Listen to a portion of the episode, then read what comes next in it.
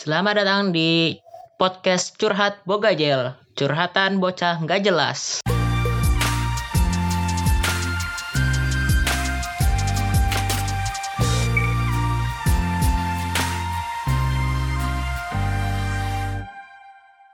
Oke, eh, di episode kedua ya, episode kedua ini gue mau ngebahas yang agak sensitif di Indonesia, ya yakni sex education.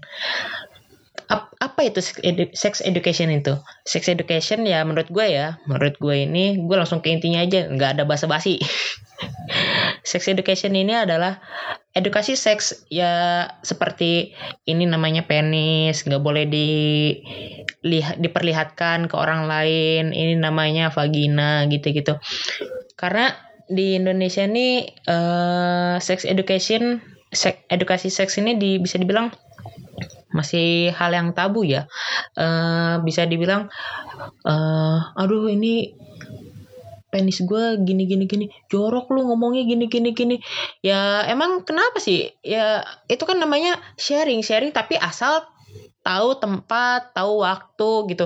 Jangan di restoran atau di kafe lagi makan atau minum kan nggak itu juga nggak lucu gitu kalau kalau ngomongin kayak gitu gitu loh.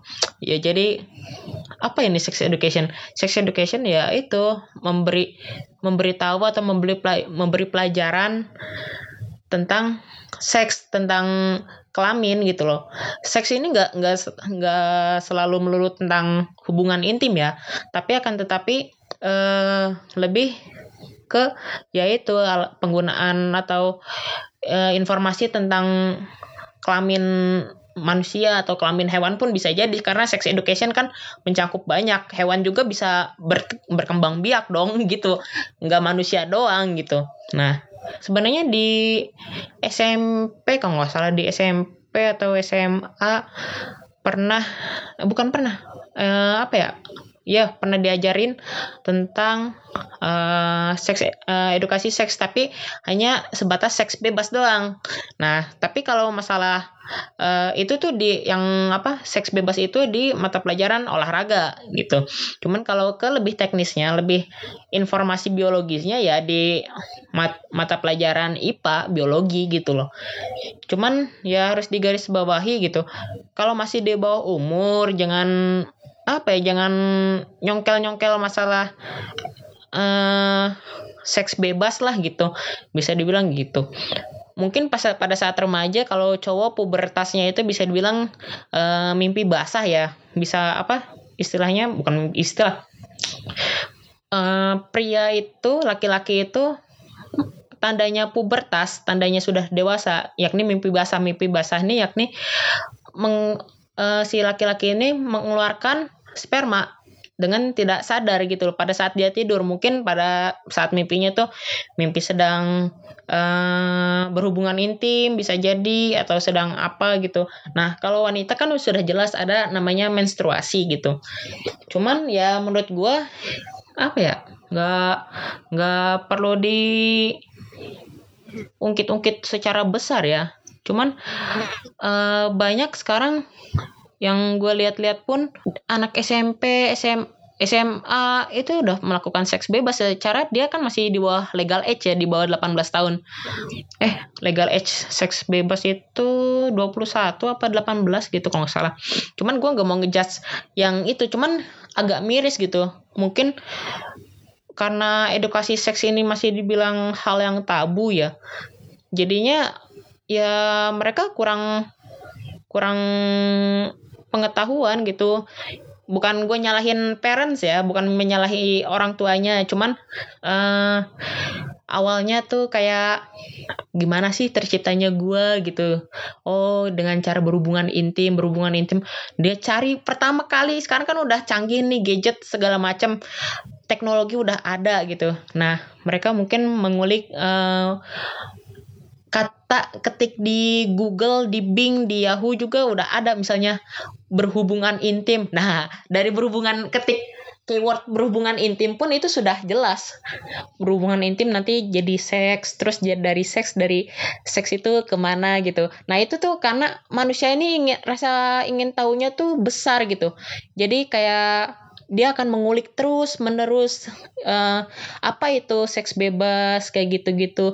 Apa itu hubungan intim. Nah mulai dari situ mulailah diarahkan ke situs-situs pornografi. Ya memang kalau di luar negeri situs pornografi itu boleh diakses di atas 18 tahun kok nggak salah. Cuman kan kalau di Indonesia ini censorshipnya ini standar dewasanya ini tuh legal age-nya ini agak berbeda ya. Gitu kalau nggak salah. Ini mah ya kesat sok tahuan gitu bocah nggak jelas nih namanya juga curhat bogajal bocah nggak jelas nih cuman ini sok kesok tahuan gue aja gitu. Uh, jujur ya banyak teman-teman gue yang ya bisa dibilang korban dari rasa penasarannya kayak suka nonton video porno atau apa gitu. Cuman ya kalau sudah dewasa ya nggak masalah. Kayak di atas 18 tahun atau 21 tahun ya nggak masalah. Wong yang tua aja yang udah dewasa di atas 30 tahunan pun ya wajar nonton gitu karena dia udah legal gitu. Lebih ke uh, norma-normanya gitu norma-norma sikap gitu. Jadi kayak apa ya uh, ya gitu deh. Pokoknya nggak etis aja gitu. Kayak dibilangnya hal tabu gitu. Padahal dari dari video porno gitu-gitu bisa dapat ilmu baru gitu. Bukan ilmu dalam artian yang aneh-aneh ya cuman kayak uh, gimana ya gue ngejelasinnya juga. Jadi seks edukasi ini nih penting gitu kayak misalnya ke perempuan gitu. Perempuan gak boleh dilatin ininya payudara misalnya pada saat lagi telanjang dada gitu. Karena ini tuh daerah private gak boleh dipegang sama semua orang gitu terus kayak uh, ini namanya bagian vagina ini gak boleh ditunjukin diperlihatkan ke orang lain termasuk ayah bunda gitu kan enak gitu kalau dijelasin gitu tuh. Ya ya gimana ya? Mungkin banyak yang mengira tuh edukasi seks itu hal yang tabu. Bener-bener gue masih masih nggak ngerti kayak uh, lebih tepatnya tuh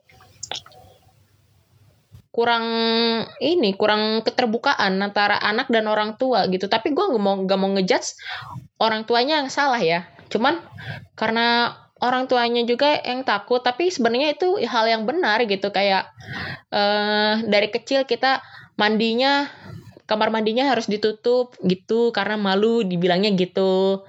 Terus banyak mitos-mitos gitu tuh kayak mitos-mitos uh, jangan telanjang setengah badan gitu. Misalnya buat cowok ya setengah telanjang dari bawah ke eh, dari perut ke bawah gitu. Nanti ada semut yang masuk. Yang mungkin secara logika emang bisa jadi terjadi hal seperti itu. Cuman kembali lagi dipikir dengan nalar yang baik gitu oh iya malu. Misalnya penisnya muncul ke mana-mana gitu kan nggak enak juga gitu. Terus misalnya kayak ini sekarang udah agak menggeser ya. Mitos-mitos kayak jangan duduk di depan pintu nanti jodohnya susah dapat gitu misalnya. Itu bukan jodohnya susah dapat jodoh udah di tangan Tuhan gitu loh.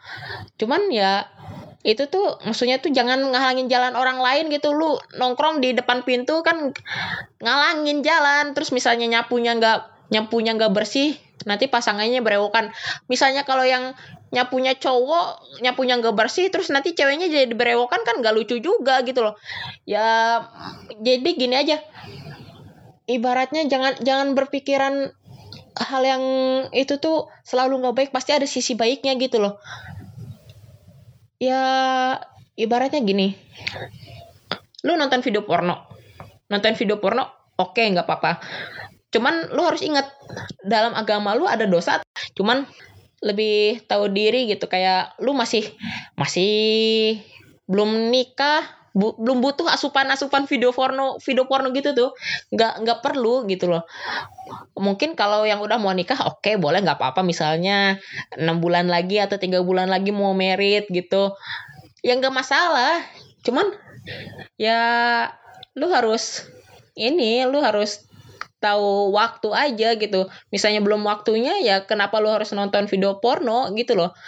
Nggak usah diiniin lah nggak usah di penasaranin gitu ya. Emang sikap alamiah manusia ya selalu mencari tahu selalu mencari yang lebih gitu.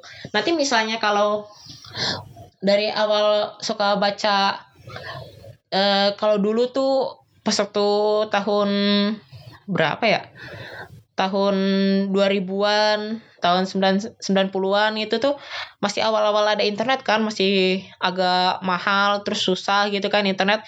Gak mungkin download video dong, gak mungkin download gambar dong. Ya mungkin HP-nya yang udah support bisa download gambar. Cuman secara tidak langsung tuh itu kan biayanya besar gitu. Handphonenya aja harus handphone mewah.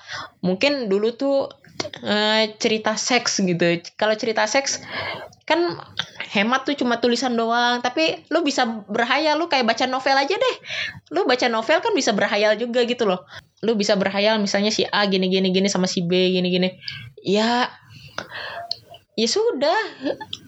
Tapi itu semakin ke sini semakin berkembang pesat masalah edukasi seks ini. Jangan sampai anak SMP sudah berhubungan intim gitu. Jangan sampai nanti pas waktu uh, saudara lu yang masih kecil masih TK ke Indomaret jajan ke Indomaret ngambil kondom Fiesta misalnya rasa pisang gitu.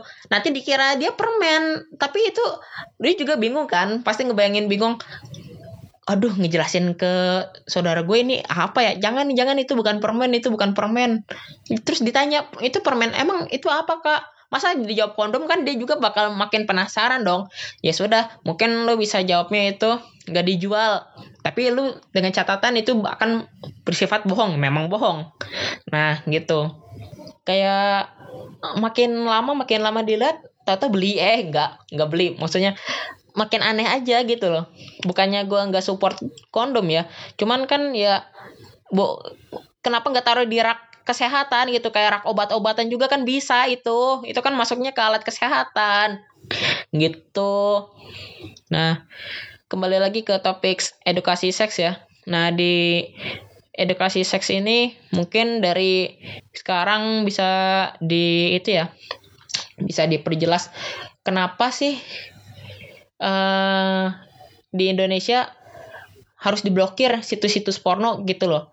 Karena uh, sampai pemerintah pun harus memblokir banyak beribu-ribu beratus ribu mungkin situs-situs porno gitu loh. Nah kenapa nggak dikasih edukasi aja ke masyarakat bahwa kalau mau ya kalau mau akses situs porno ya harus tahu waktu bukan tahu waktu tahu umur gitu. Masih di bawah umur masa ngakses video porno buat apa gitu loh?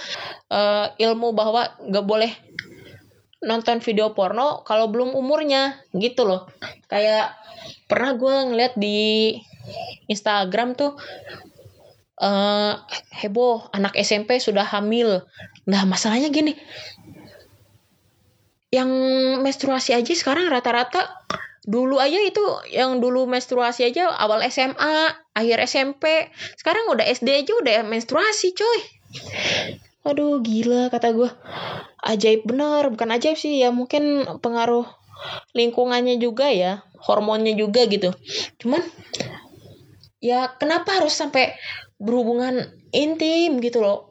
Berhubungan intim pada saat SMP masih di bawah 18 tahun gitu. Aduh itu tuh ya gimana ya kayak itu tuh kayak kurang edukasi seks aja gitu. Kayak nggak boleh buang di dalam istilahnya kan buang di dalam nanti bisa hamil gitu. Mungkin mereka juga yang penasaran pun masih belum ngerti kondom itu apa atau fungsinya kondom itu apa gitu loh. Gitu. Mungkin kalau yang dewasa udah ngerti kondom fungsinya buat gini gini gini gini.